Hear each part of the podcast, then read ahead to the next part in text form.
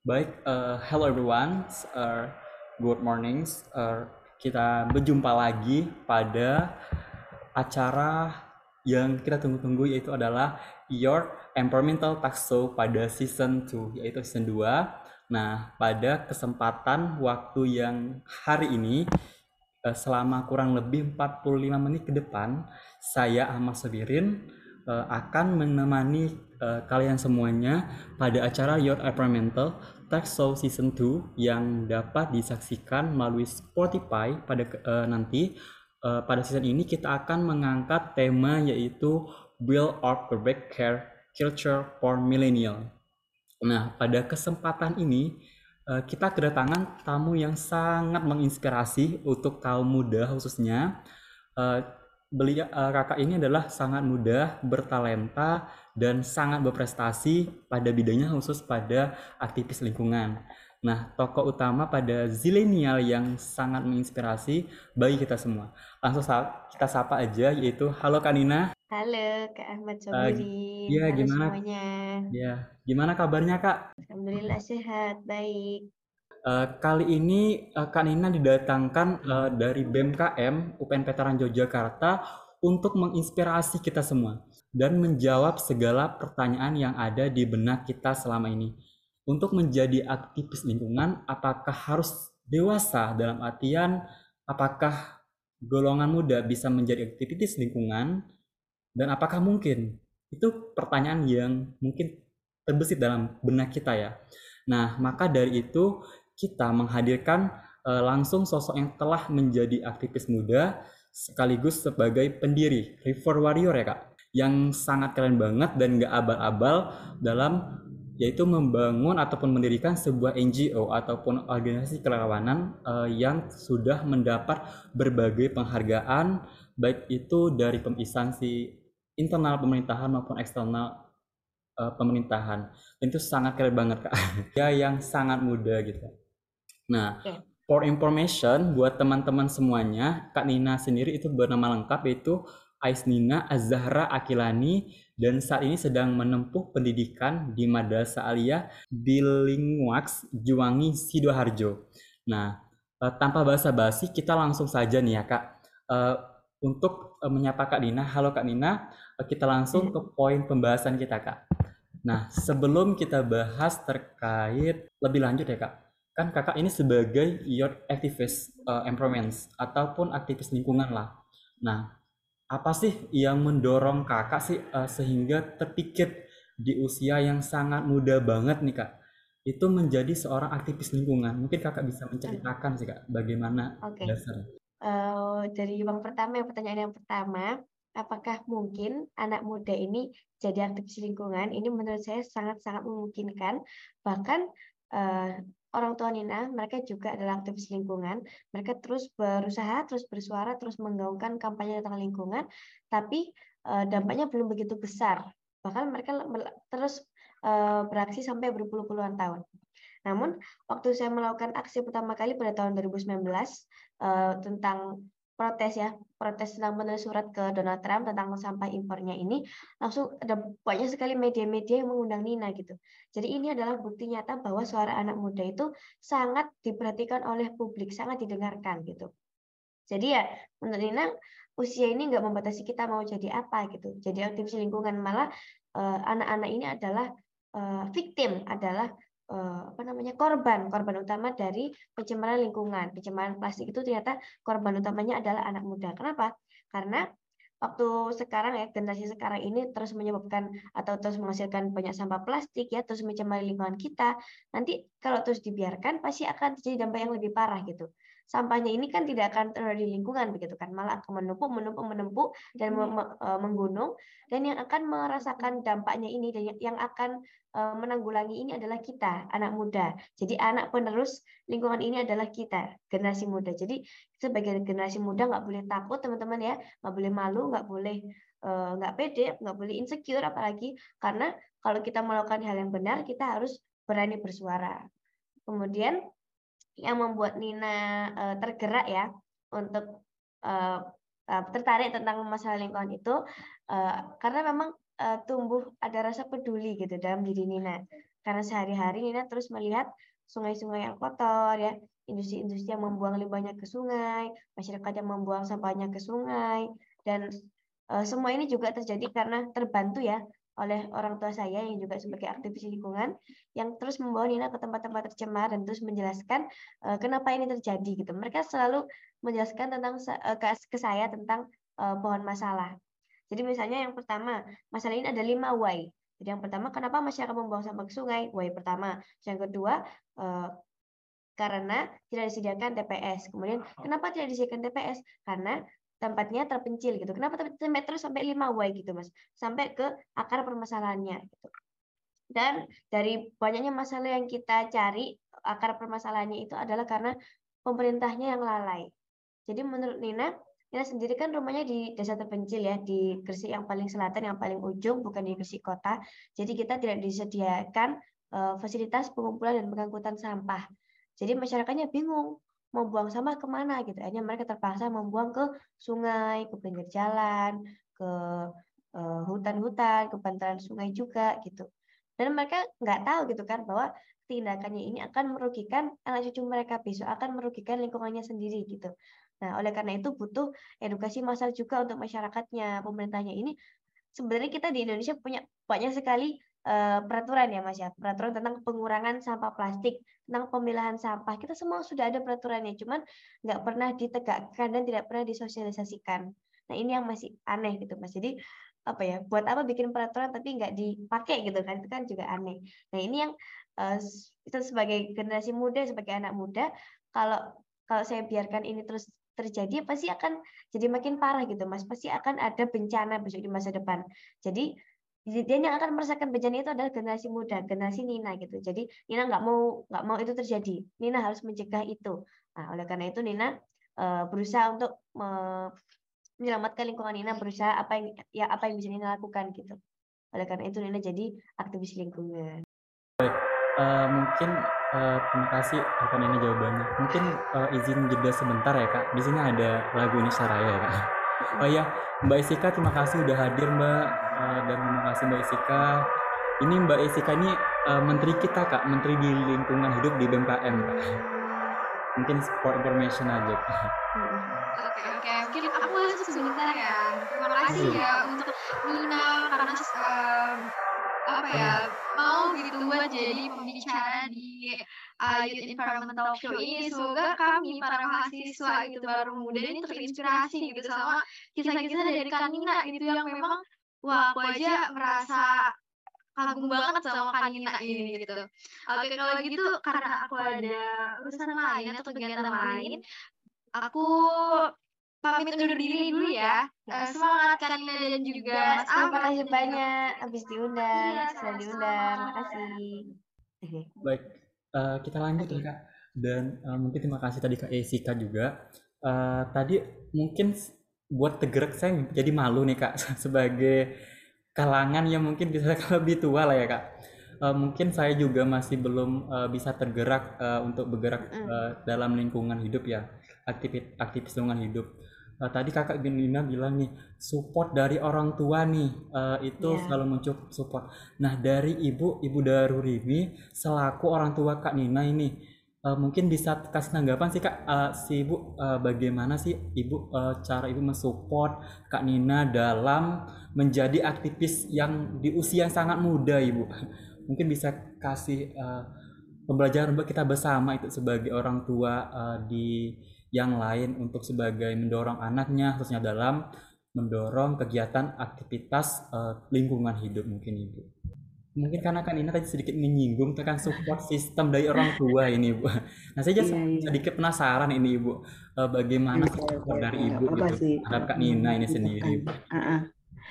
Ya, jadi memang uh, masa kecil saya, masa kecil papanya Nina itu memang kami uh, masih bisa bermain di sungai gitu yang bersih gitu ya suka gitu berwisata ke alam uh, yang uh, yang apa yang masih bersih lah gitu di pegunungan di hutan di sungai gitu ya.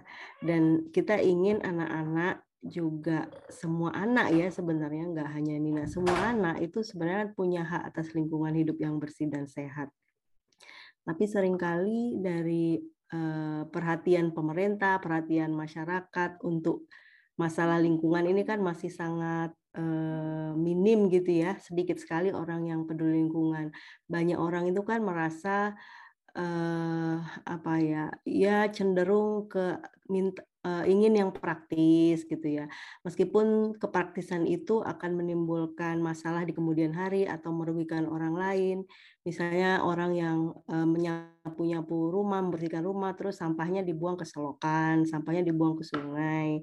Supaya rumahnya bersih, dia mengotori lingkungan uh, lain gitu. Jadi seperti uh, sekarang itu sudah berkurang rasa empati, rasa solidaritas, uh, kepekaan sosial itu sangat kurang gitu. Jadi kita ingin generasi muda ini terutama dalam keluarga itu harus menjadi uh, contoh anak yang punya kepedulian sosial yang tinggi di masyarakat gitu. Karena memang dari pekerjaan kami pun uh, memang bergerak di bidang sosial lingkungan gitu ya. Jadi kita ingin juga mem, mem, apa ya mere, meregenerasi gitu ya.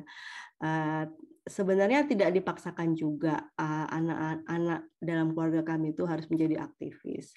Tapi karena memang sering berinteraksi, mereka sering terekspos gitu ya, terpapar dengan informasi-informasi tentang bahaya pencemaran, kondisi lingkungan yang seharusnya bisa dibutuhkan gitu ya untuk ditinggali dengan sehat untuk anak-anak. Nah, mereka akhirnya uh, juga paham dan merasa resah gitu dengan masa depannya. Kalau lingkungan, kalau uh, perhatian orang-orang terhadap lingkungan masih tetap seperti sekarang banyak yang cuek, termasuk anak muda juga ya gaya hidup praktis, gaya hidup yang um, apa jajanan yang sekarang itu kan semuanya hampir semuanya tuh dibungkus plastik, minuman-minuman apa tuh kekinian gitu ya, semua dibungkus plastik. Padahal sebenarnya sudah banyak informasi tentang bahaya plastik, kaitannya juga dengan eh, perubahan iklim, pemanasan global karena plastik itu dibuat dari minyak bumi. Semakin kita banyak pakai plastik, berarti semakin banyak lagi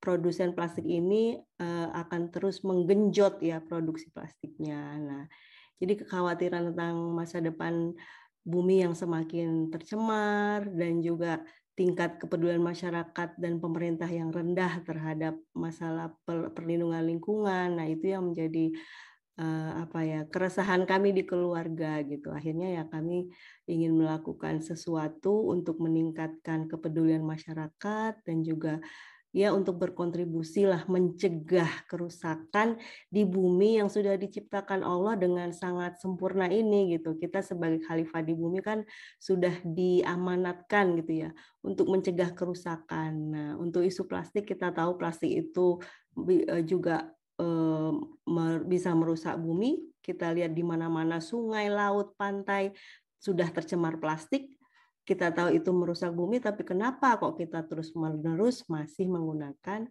banyak plastik? Nah, itu yang menjadi alasan kami uh, sekeluarga nih, bukan cuma Nina, kakaknya Nina, ada dua lagi, uh, saya ibunya dan ayahnya juga. Kami semua memang aktivis menolak plastik sekali pakai, gitu Mas.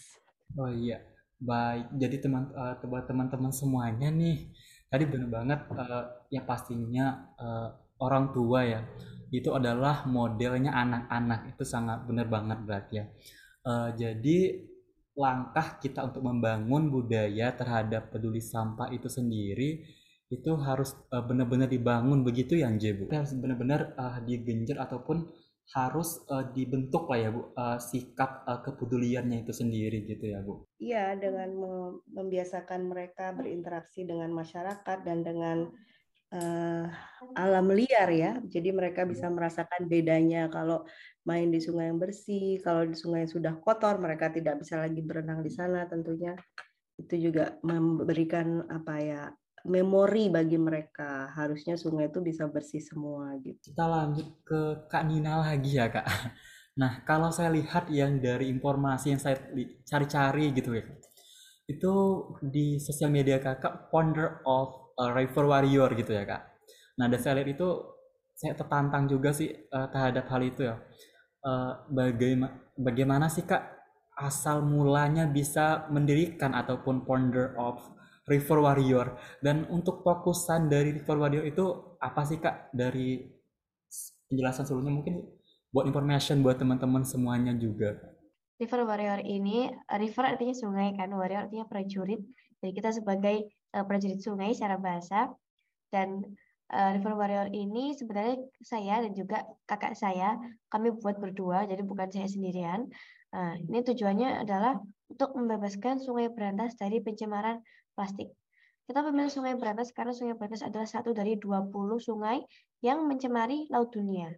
Ini bukan peringkat yang membanggakan ya teman-teman, tapi peringkat yang sangat memalukan.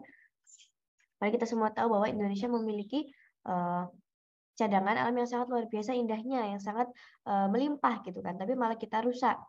Sungai malah kita jadikan tempat sampah. Padahal sungai ini juga adalah uh, gambaran surga.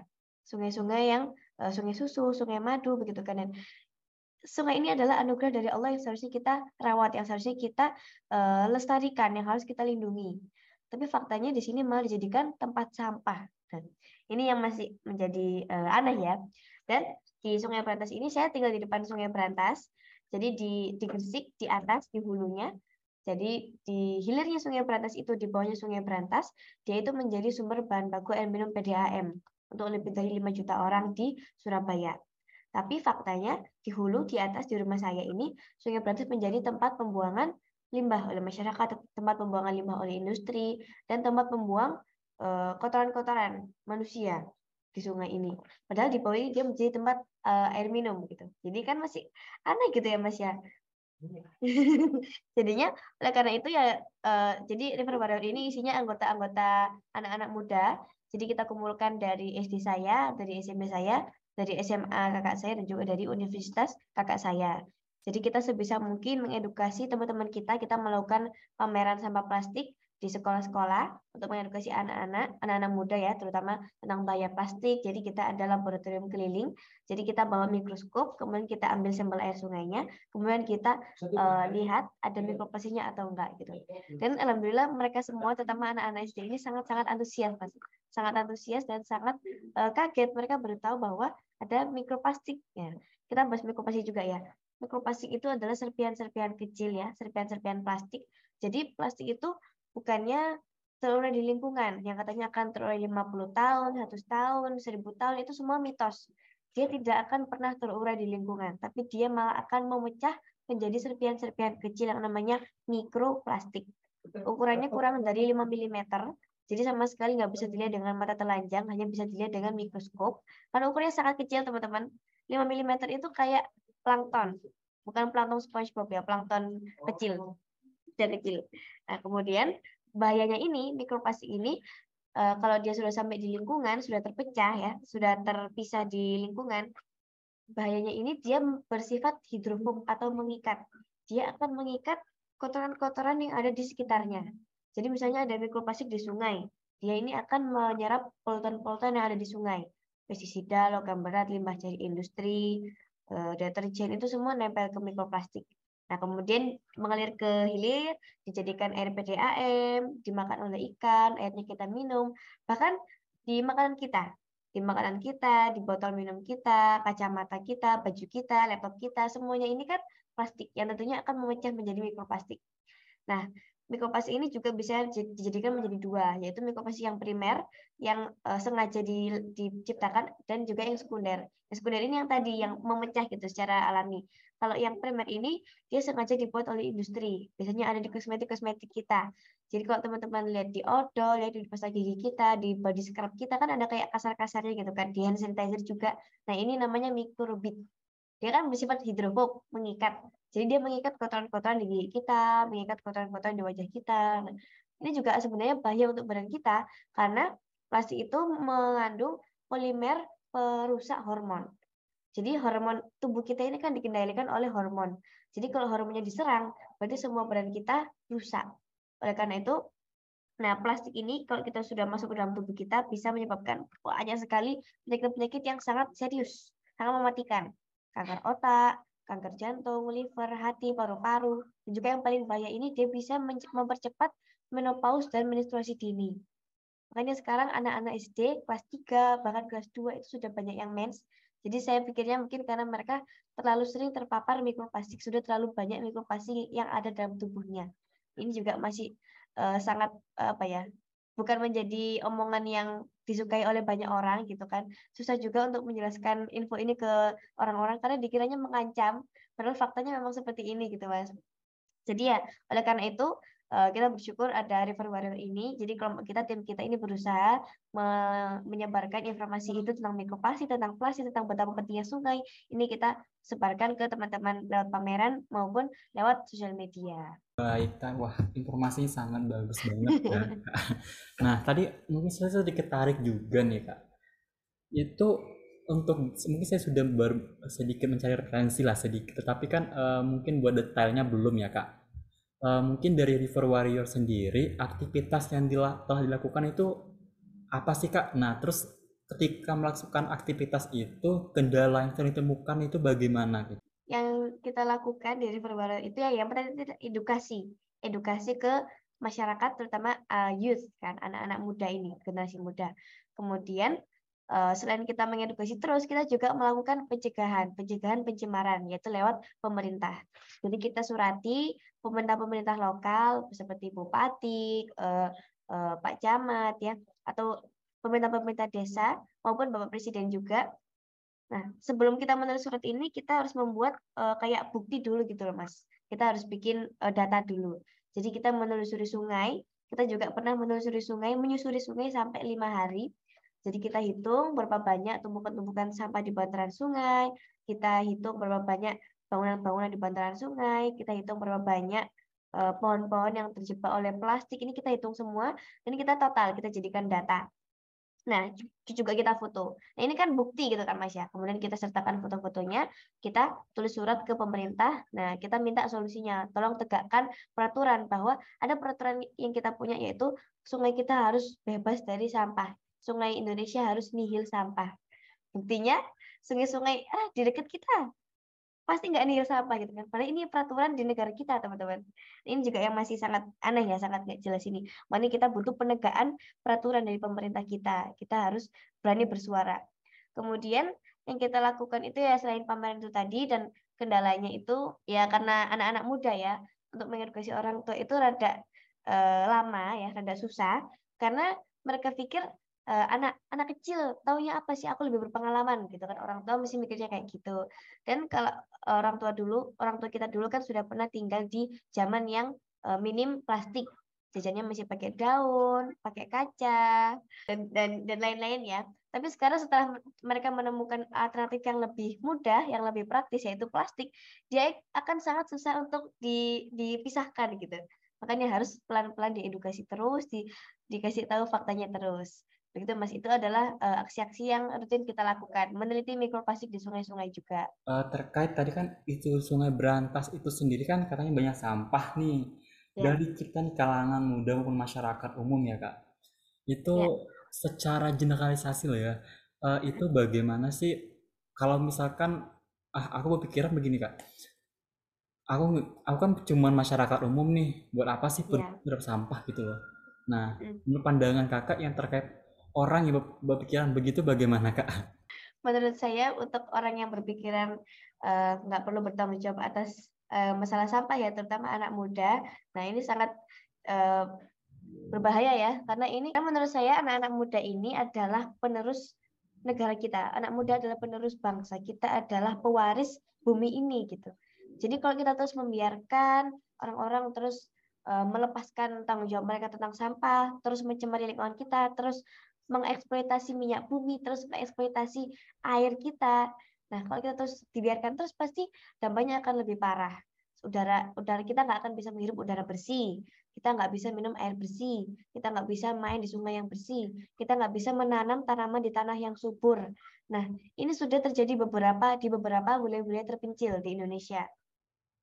Kalau terus dibiarkan pasti akan semakin menyebar dan semakin meluas dan akan sampai ke kita dampaknya sebelum itu terjadi kita bisa mencegah teman-teman. Kita bisa mencegah dengan uh, pengurangan plastik sekali pakai. Jadi kita harus mengurangi penggunaan plastik sekali pakai.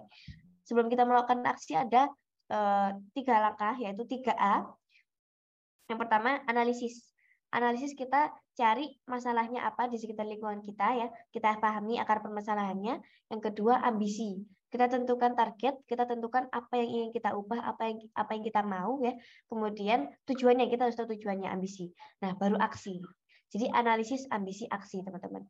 Tapi sebelum kita melakukan aksi, kita harus banyak-banyak mengedukasi diri kita sendiri. Kita harus sering-sering mengikuti Youth Environment Talk Show seperti ini, teman-teman ya. Terus membaca artikel-artikel tentang bahaya plastik, tentang lingkungan. Terus stay tune to uh, akun-akun Instagram yang aktivis-aktivis lingkungan ya, lembaga-lembaga lingkungan ini harus diikuti terus. Kemudian baru aksi ini. Aksi bisa melalui banyak sekali cara bisa melalui hal yang kita suka seperti saya menulis surat. Saya suka sekali menulis. Nah, untuk mengekspresikan diri saya, saya suka menulis. Saya, saya menulis.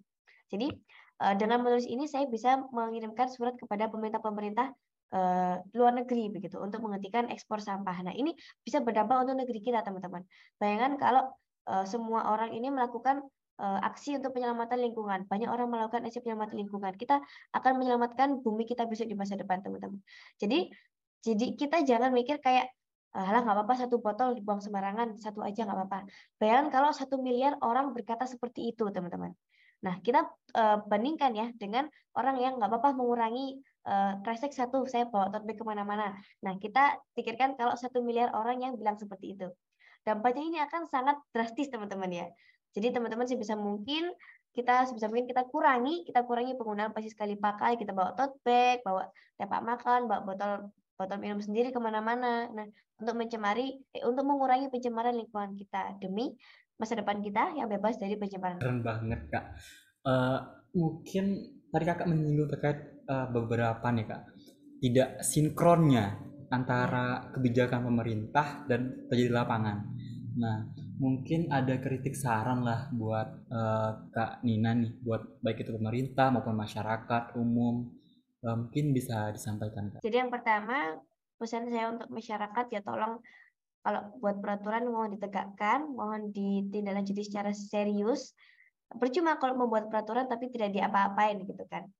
Dan kalau uh, pemerintah ingin Indonesia di masa depan lebih maju, lebih berkembang ya, lebih kaya, nah lebih makmur dan lain-lain, maka dari sekarang harus ada usahanya untuk menyelamatkan lingkungan, untuk memprioritaskan lingkungan. Karena besok saya yakin kita akan sangat-sangat bergantung pada lingkungan. Bahkan sekarang kita sudah sangat-sangat bergantung pada lingkungan. Bahkan kita tega mengeksploitasi lingkungan kita sendiri, menghancurkan lingkungan kita sendiri demi negara lain.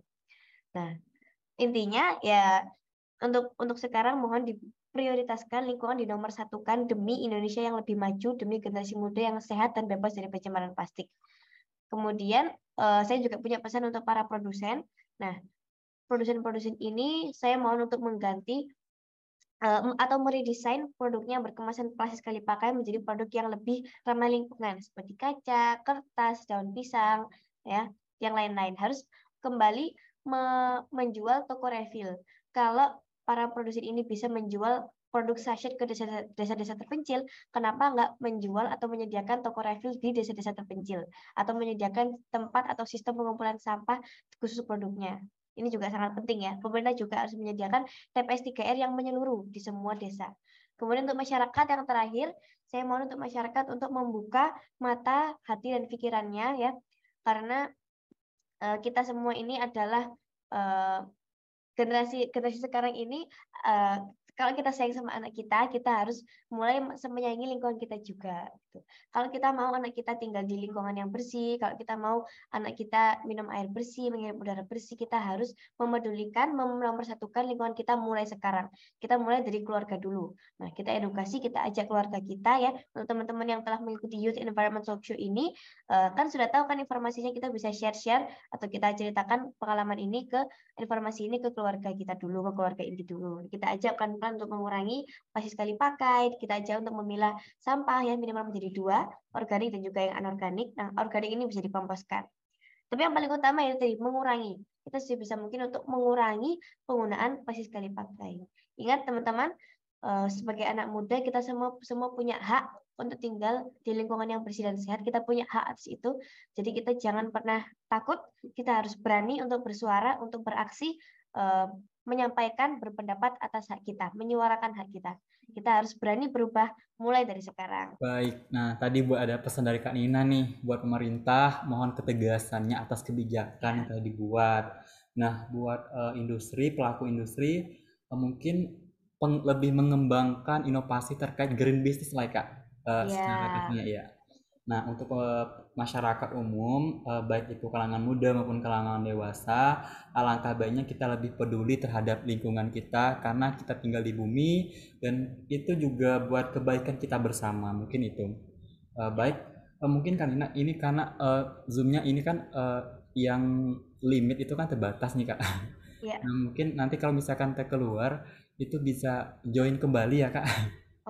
Oh, ini. Yeah. Karena untuk Zoom yang limitnya lagi ada terkendala, Kak, di akunnya, Kak. Hmm. Mohon maaf uh, sebelumnya ya, Kak. Jadi ini saya keluar terus ini masuk lagi. Nanti dia keluar sendiri, Kak. Otomatis. Oh, ya. Ini kurang satu menit lagi, Kak. Iya. Tapi masih kurang, Mas. Iya. Tadi sudah bilang pesan loh, pesan terakhir. Uh, gimana, Kak? Apa apa lagi yang kurang? Uh, yang terakhir itu tinggal dua topik kak itu hmm. pesan sama urgensi peran pemuda oh. nih uh, berkaitan dengan urgensi pemuda nih kak sebagai kaum zilenial uh, di usia yang saat ini kak uh, mungkin menurut kakak nih kira-kira dari kalangan muda menurut kakak apakah urgensi akan akan pentingnya kontribusi pemuda dalam membangun budaya akan peduli sampah itu sendiri kak. Sesuai dengan topik dan tema yang kita angkat hari ini. Begitu kak. Ya menurut saya urgensi tentang penyelamatan lingkungan ini sangat perlu dibutuhkan ya. Sangat harus disebarkan sangat harus disuarakan oleh anak-anak muda. Karena ya sampah plastik ini terutama ya sampah plastik ini sudah menyebabkan pencemaran di mana-mana di bumi kita sungai kita di laut kita di pantai kita di hutan kita bahkan sudah membunuh sudah mengambil pokoknya sekali nyawa-nyawa makhluk hidup yang tidak bersalah dari sampah plastik yang kita hasilkan hewan-hewan laut marine creatures ini mereka harus menang uh, mereka harus merasakan dampak dari sampah kita, sampah plastik yang kita hasilkan. Gitu. Bahkan pernah ditemukan paus uh, jantan yang mati dan ditemukan 5 kilo sampah plastik uh, dalam perutnya ini. Jadi ini juga menjadi uh, masalah yang sangat serius ya karena hewan-hewan laut ini juga sangat-sangat penting untuk keseimbangan ekosistem dan juga ditemukan tiga ekor penyu di Kepulauan Seribu yang mati ditemukan uh, tersangkutnya sedotan di mulut mereka. Kemudian sebenarnya ada banyak sekali hewan-hewan yang sudah mati karena sama sama sama pasti kita hasilkan. Penyu ini seharusnya uh, tinggal atau hidup lebih, lebih lama daripada kita, tapi karena sama plastik yang kita hasilkan, satu tahun ada seribu penyu, seribu ekor penyu yang mati setiap satu tahun karena memakan uh, terlalu banyak kresek. Karena mereka memikir kresek ini adalah ubur-ubur gitu kan. Nah, ini juga sebenarnya saya juga bingung ya, yang salah ini siapa, yang berdosa ini siapa. Dan ada data juga bahwa sampah plastik yang secara global kita hasilkan ini bisa memutari bumi kita sebanyak 500 kali. Setiap menit ada satu truk yang membuang sampahnya ke lautan, sampah kita ke lautan, sampah dump truck ya teman-teman ya, truk truk yang besar ini membuang sampahnya ke lautan. Jadi ya kalau ini terus dibiarkan, bumi kita ini jadi kayak apa teman-teman? Walaupun apa ya dampaknya memang nggak kerasa sekarang nggak nggak akan kerasa sekarang teman-teman. Jadi kita sekarang bisa bisa merasakan praktisnya happynya murahnya penggunaan plastik sekali pakai ini. Tapi siapa tahu 10 tahun kemudian kita kena kanker 12 tahun kemudian kita kena uh, kemandulan nanti uh, dan eh, uh, 50 tahun kemudian kita sudah tidak bisa menghirup udara bersih kita sudah tidak bisa meminum air bersih. Nah ini yang kita khawatirkan. Dan lewat uh, apa ya perkiraan-perkiraan para ilmuwan ya pada tahun 2025 ikan jumlahnya lebih sedikit daripada sampah plastik. Padahal ini sudah terjadi sekarang, teman-teman. Sampah-sampah plastik sudah jumlahnya sudah melebihi ikan di lautan kita, di lautan Indonesia. Nah, ini teman-teman. Jadi perkiraan ini terjadi lebih mudah, lebih cepat, teman-teman. Jadi kita harus hati-hati. Kenapa perkiraannya terjadi lebih cepat? Ya karena kita terus menghasilkan sampah-sampah plastik yang berlebihan. Jadi kita terus boros dalam penggunaan plastik, teman-teman. Kita terus bergantung pada plastik yang kita anggap praktis, murah, dan hemat, dan yang mudah ini. Jadi, eh, menurut saya ya, yang terus saya jadikan prinsip itu adalah plastik itu praktis sesaat, tapi menyebabkan kesengsaraan berabad-abad. Nah, ini teman-teman. Jadi kita sebagai anak muda, sebagai pewaris bumi ini, sebagai generasi yang akan meninggali bumi ini besok, jangan mau jangan mau jadi korban pencemaran oleh generasi sekarang, teman-teman. Masa pencemaran yang dibuat oleh generasi sekarang kita yang harus uh, menanggulangi, kita yang harus bersihkan. Jangan mau. Oleh karena itu kita harus mencegah mulai dari sekarang, teman-teman. Kita mulai dari pengurangan. Kita kurangi penggunaan plastik kali pakai sebisa mungkin. Kurangi, kurangi, kurangi penggunaan plastik sekali pakai. Uh, baik. Jadi buat teman-teman pemirsa dari Your Environmental Tasso pada season 2 ini, pesan uh, mungkin dari Kanina tadi, jadi sangat urgensi banget eh, teman-teman terkait dengan permasalahan kompleks yang kompleks ini. Uh, jadi mungkin sebagai uh, penutup sekaligus penutup juga ya kak. Nah, mungkin ada pesan dari Kak Ina nih buat pemirsa dari Your Environmental Taxo season 2 ini yang bertemakan dengan building of uh, culture uh, for zillennial. Nah, mungkin ada pesan sih dari Kak Nina Kak sebagai penutup. Dan saya uh, oh bentar ya Kak.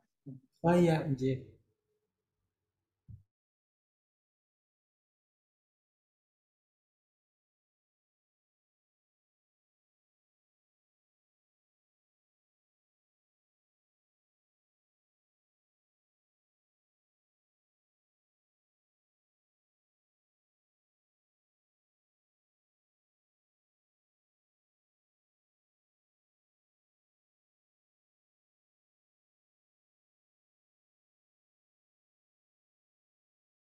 Oke, okay, Mas.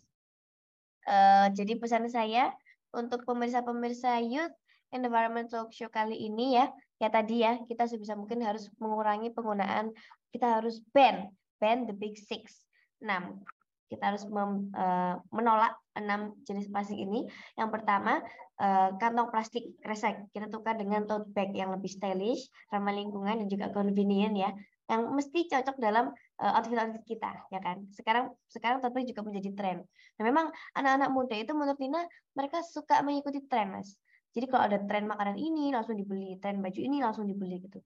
Jadi kalau misalnya kita memviralkan atau mentrendingkan gaya hidup minim plastik ini uh, menjadi viral, nah semoga ada banyak sekali anak-anak muda yang ikut uh, joining the trend gitu kan. Jadi yang pertama tote bag ya, yang kita kita tukar keras menjadi tote bag, kemudian botol plastik kita tukar dengan tumbler ya, yang lebih mudah, yang lebih awet juga, yang tahan selamanya daripada botol plastik ya yang dipakai 5 menit tapi akan tapi tidak akan terurai di lingkungan kita. Kemudian um, styrofoam atau wadah-wadah makanan plastik ini kita tukar dengan tepak makan ya teman-teman. Kita harus bawa rantang atau wadah sendiri dari rumah kita. Kemudian eh, karena styrofoam ini juga bahayanya sangat luar biasa teman-teman. Kankernya bisa menyebabkan uh, infertilitas ini atau mengurangi kesuburan teman-teman. Bisa menyebabkan kemandulan. Ini juga pernah uh, bisa menyebabkan diabetes juga dan sudah terbukti walaupun bukan di Indonesia ya di, di luar negeri ini sudah terbukti dampak dari uh, styrofoam ini pada pada badan kita ini sangat berbahaya. Kemudian styrofoam ini kita tukar dengan rantang atau wadah makanan sendiri dari rumah, kemudian sedotan. Sedotan ini saya pribadi lebih puas kalau kalau nggak minumnya nggak pakai sedotan langsung digogok gitu aja. Tapi kalau teman-teman mau pakai sedotan, kita bisa tukar dengan stainless bambu ya teman-teman, stainless ataupun bambu. Kemudian uh, popok. Nah popok ini atau untuk perempuan ini uh, pembalut ya, pembalut ini juga menjadi uh, apa ya sangat-sangat aneh menurut saya karena karena popok atau popok plastik ini dia kan mengandung banyak sekali bahan-bahan kimia dan mereka semua ini berpotensi menyebabkan kanker. Apalagi dia kan bersentuhan langsung dengan area vital kita, area yang sangat sensitif, sensitif gitu di badan kita. Jadi ini yang menurut saya, menurut Nina harus benar-benar di stop, di ban. Kita tukar dengan yang kain, teman-teman. Kita kembali ke zaman kearifan lokal kita, zaman nenek kakek kita dulu. Kita tukar dengan yang kain ya. Kemudian yang terakhir sachet. Nah, sachet ini juga menjadi masalah di seluruh dunia karena produsen-produsen yang tidak mau bertanggung jawab atas sampahnya ini ya, cuman mau untungnya aja tapi nggak mau memikirkan dampak lingkungannya. Nah, sachet ini kita bisa tukar dengan uh, kita belanja di toko-toko refill. Sekarang sudah viral kan bulk store, tapi hanya mungkin hanya tersedia di kota-kota teman-teman ya. Jadi yang desa-desa masih terpaksa harus menggunakan sachet. Tapi sebisa mungkin kalau kalau uh, box store nggak ada, refill store nggak ada, kita beli yang botolan, kemasan botolan ini. Dan juga yang terakhir teman-teman kita harus hati-hati terhadap false solution teman-teman.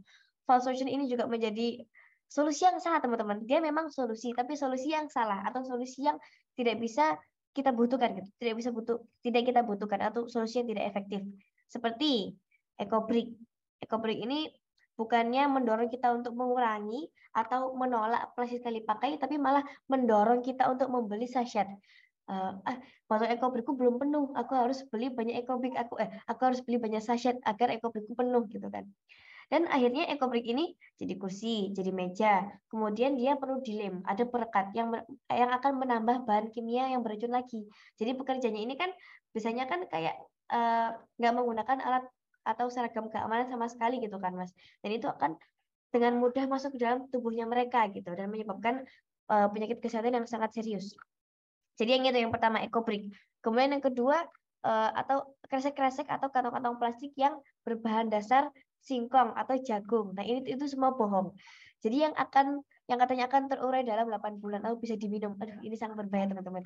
Jadi uh, memang ada komposisi-komposisi uh, organiknya, ada komposisi singkong maupun jagungnya. Tapi yang akan terus selama 8 bulan itu hanyalah komposisi organiknya. Masih ada polimer plastiknya, teman-teman. Dan yang kita minum adalah polimer plastik, teman-teman. Dan dia akan terus hidup uh, selamanya, tidak akan terurai di lingkungan kita. Dan yang terakhir, yang paling banyak sekali orang bergantung itu adalah daur ulang. Daur ulang ini ya yang suka kita jadikan kreasi, botol plastik menjadi vas, menjadi tempat wadah pensil, sachet kita kreasikan menjadi baju. Ini sebenarnya salah besar, teman-teman. Karena dari awal plastik ini sudah mengandung racun yang sangat berbahaya. Polimer polimer perusaha hormon, teman-teman. Ditambah lagi dengan cat, ditambah lagi dengan lem. Jadi racun-racunnya bertambah terus, bertambah-tambah terus, berhubungan lagi ya, berhubungan-berhubungan, dan akan dengan sangat mudah masuk ke dalam badan kita lewat mikroplastiknya, lewat uapnya, lewat lemnya, lewat catnya. Nah, dan apa ya hasilnya ini pun pada akhirnya saya yakin akan rusak, akan rusak dan akan kembali menjadi sampah. Oleh karena itu teman-teman, jadi masalah sampah plastik itu tidak akan selesai kalau kita tangani di akhirnya, waktu dia sudah terbentuk menjadi sampah. Nah ini kemungkinan yang sangat besar nggak akan eh, berhasil. Oleh karena itu, daripada kita melakukan eh, bersih-bersih, daur ulang, dan lain-lain, lebih baik kita melakukan pencegahan. Kita cegah dari awal, teman-teman. Jadi kita lebih baik eh, menanggung mahalnya biaya pencegahan daripada menanggung mahalnya biaya pengobatan. Benar kan, teman-teman? Jadi oleh karena itu, mulai sekarang kita harus mencegah terbentuknya plastik sekali pakai teman-teman. Kita sebisa mungkin kurangi. Jadi 3R ini adalah reduce, reduce, dan reduce teman-teman. Kita kurangi penggunaan plastik sekali pakai demi bumi kita, demi lingkungan kita, demi masa depan kita, demi generasi masa depan yang lebih sehat, lebih cerah, dan bebas dari pencemaran plastik. Itu teman-teman. Terima kasih. Baik, terima kasih Kak Nina atas penyampaiannya sangat luar biasa dan sangat uh, bikin saya nggak bisa berkata-kata lagi saking takjubnya Kak. Uh, Benar-benar sangat luar biasa Kak. Uh, mungkin sebagai penutup, uh, mungkin saya menarik beberapa kesimpulan yang poin-poin uh, penting yang menjadi pembahasan pada kesempatan kita kali ini. Yang pertama itu terkait dengan uh, dari sejarah Kanina atau dorongan uh, mungkin dari penyampaian Kak Nina itu mulailah kita tanam pada diri kita sendiri uh, terkait kepedulian terhadap uh, sampah itu sendiri. Dan kedua dari ibu-ibunya Daruruni selaku ibu Nina, Kak Nina, uh, mungkin support system orang tua juga sangat penting dalam menumbuhkan rasa uh, kepedulian itu sendiri. Nah, yang kedua terkait dengan uh, berdirinya River Warrior itu sendiri, itu merupakan uh, di latar belakangnya adalah pendirian Kak Nina bersama kakaknya ya kak. Uh, hmm. Itu bebarengan. Kemudian untuk menjadi fokus River Warrior adalah itu menyelesaikan uh, permasalahan sampah yang ada di sungai, khususnya di Sungai Berantas ya kak. Nah, terus ada lagi yang telah dilakukan River Warrior itu sangat banyak teman-teman. Mungkin bisa buat informasi buat teman-teman juga yang kepo terkait dengan apa yang dilakukan Kak Nina bersama River Warrior itu bisa kepo di IG uh, Kak Nina ataupun dari IG official River Warrior itu sendiri. Nah, ya. buat yang tantangan tadi udah banyak tantangan mungkin karena kita belum terbiasa ya kak, karena kita belum terbiasa dengan uh, kebiasaan terhadap kepedulian sampah, itulah mari kita sebagai kaum muda untuk membentuk pola pikir maupun kebiasaan yang baik terhadap kepedulian sampah itu sendiri.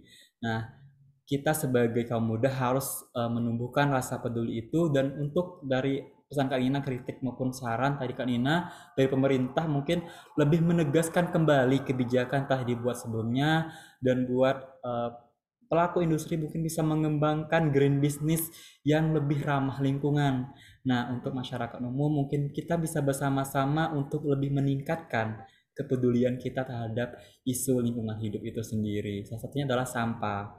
Nah, sebagai aktivis lingkungan dari pesan Kanina tadi mungkin sudah disampaikan secara jelas detail juga dan kita sebagai khususnya kalangan muda itu sangat berperan penting teman-teman semuanya. Mari kita bangun sama-sama budaya untuk peduli sampah itu sendiri. Dan tadi pesan dari Kanina ada juga buat teman-teman mari kita menekan pengurangan uh, ataupun penggunaan plastik terutama plastik sama plastik melalui kita penggunaan tote bag uh, melalui peng, uh, penggunaan bahan uh, bahan maaf uh, bekal makanan mm-hmm. itu bisa kita gunakan kembali uh, atau juga jangan sampai salah kaprah atas uh, solusi yang ditawarkan misalkan terkait dengan ekobrik tadi jangan sampai itu menjadi permasalahan baru ataupun memunculkan permasalahan baru dari penyelesaian masalah. Padahal tujuannya untuk menyelesaikan masalah tetapi pada akhirnya adalah memunculkan permasalahan baru.